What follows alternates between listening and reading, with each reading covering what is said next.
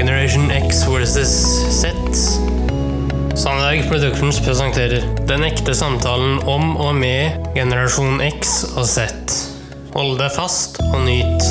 I dag tar vi opp temaet Hei, hei, kjære lytter, og hjertelig velkommen til eh, Generation X versus Z sin eh, julekalender. Dette her er da i 13, og i dag er nettopp eh, Lucia-dagen, som vi var litt inne på her i går. Og opprinnelsen til eh, Lucia-dagen. Ja, og det som er litt, litt kult nå, Henrik, det er at det er ikke bare den 13.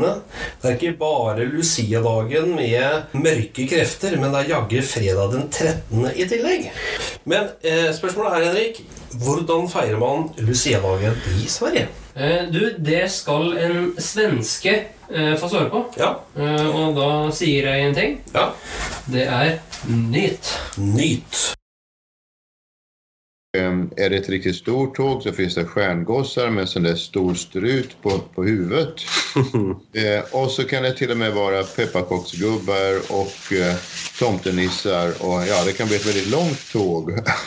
Det- Först är det liksom föräldrarna som firar för sina barn och sen är det barnen som firar för sina föräldrar när de blir nog stora.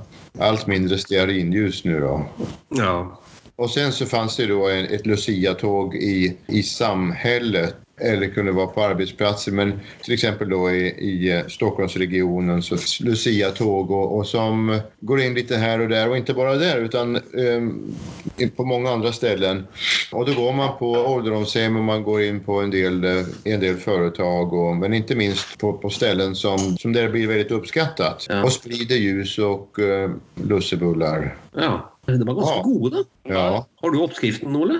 På lussebullarna, var det de du undrar över? Ja. Nej, det är inte så jättestor skillnad mot vanliga bullar, men det stora är att det är saffran. Annars då gillar, vad heter det, Järebacks. Det er en som vi kjenner som er veldig glad i gjærbakst. Ja. Det jo deg. Hæ? Meg? Ja. Ja. Og så ser jeg igjen på Ole. Han liker det, han òg, for å si det sånn. Det gör jag. jag Han är nei, gott. han heller. Nei, det gjør det Jeg har ikke. tross jeg tross alt møtt fyren, da. Så ja, jeg vet det. At hvis han blir tilbudt, så sier han ikke nei. Ja. Nej då.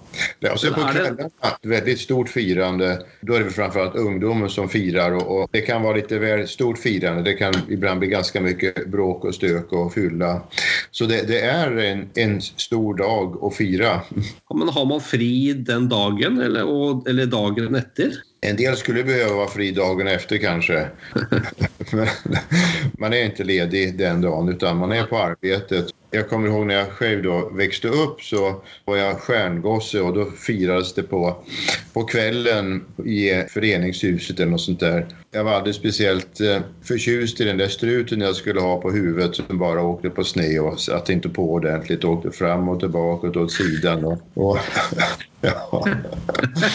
Och inte tyckte jag det var så kul att sjunga heller. Men eh, når du snakker om det å skjenge ja, vänta ska du se, ska jag trycka på knappen här. Ja, nå er vi spente. Sankta Lucia, Shaito Billy. Nej men sjung!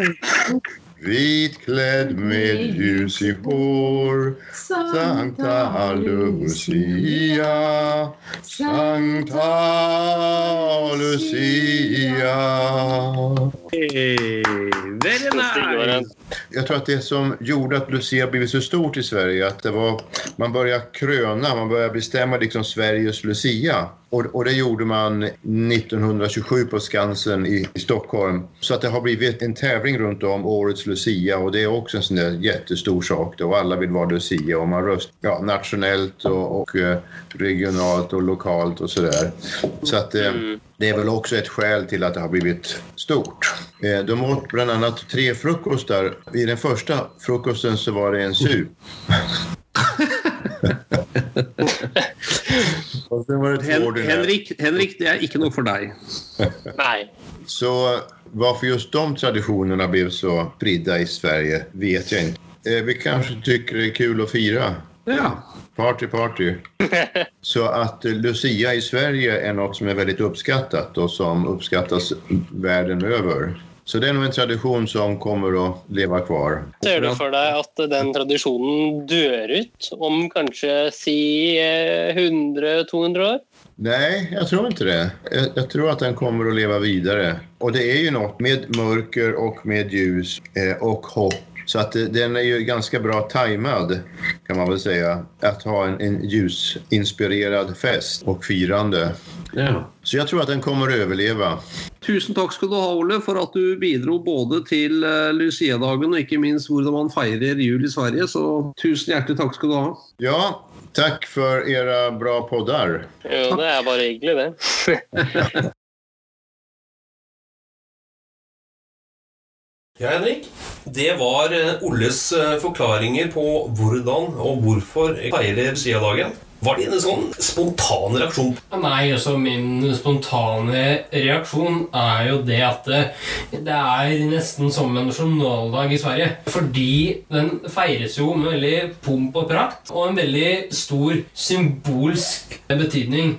Jeg spurte også en svensk kompis av meg er Lucia en stor greie i Sverige. Og da fikk jeg til svar at det ja, og så fikk jeg da bilder av Stockholm sentrum rundt juletider. Ja. Eh, Det skal sies, det så veldig fint ut. Det gjorde det. Stockholm er jo for så vidt en, en vakker by, og så når det kommer litt mørke og litt lys, ikke minst, så tror jeg eh, det, det vakre blir enda vakrere.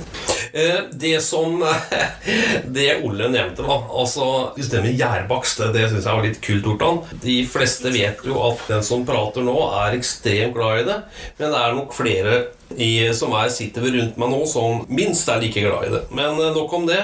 Dette er bare helt fantastisk Lucia-dag, og svenskene, de vet å feire. Ja, vi kommer sikkert også inn på Sverige med en senere anledning, eh, så bare heng eh, litt på. Vi kommer jo inn på Sverige allerede i morgen, og mer sånn julefeiring, vil jeg si. Så bare, ja, som sagt tidligere, heng på. Heng på og god Lucia-dag. God Lucia-dag. Ha det godt. Ha det godt.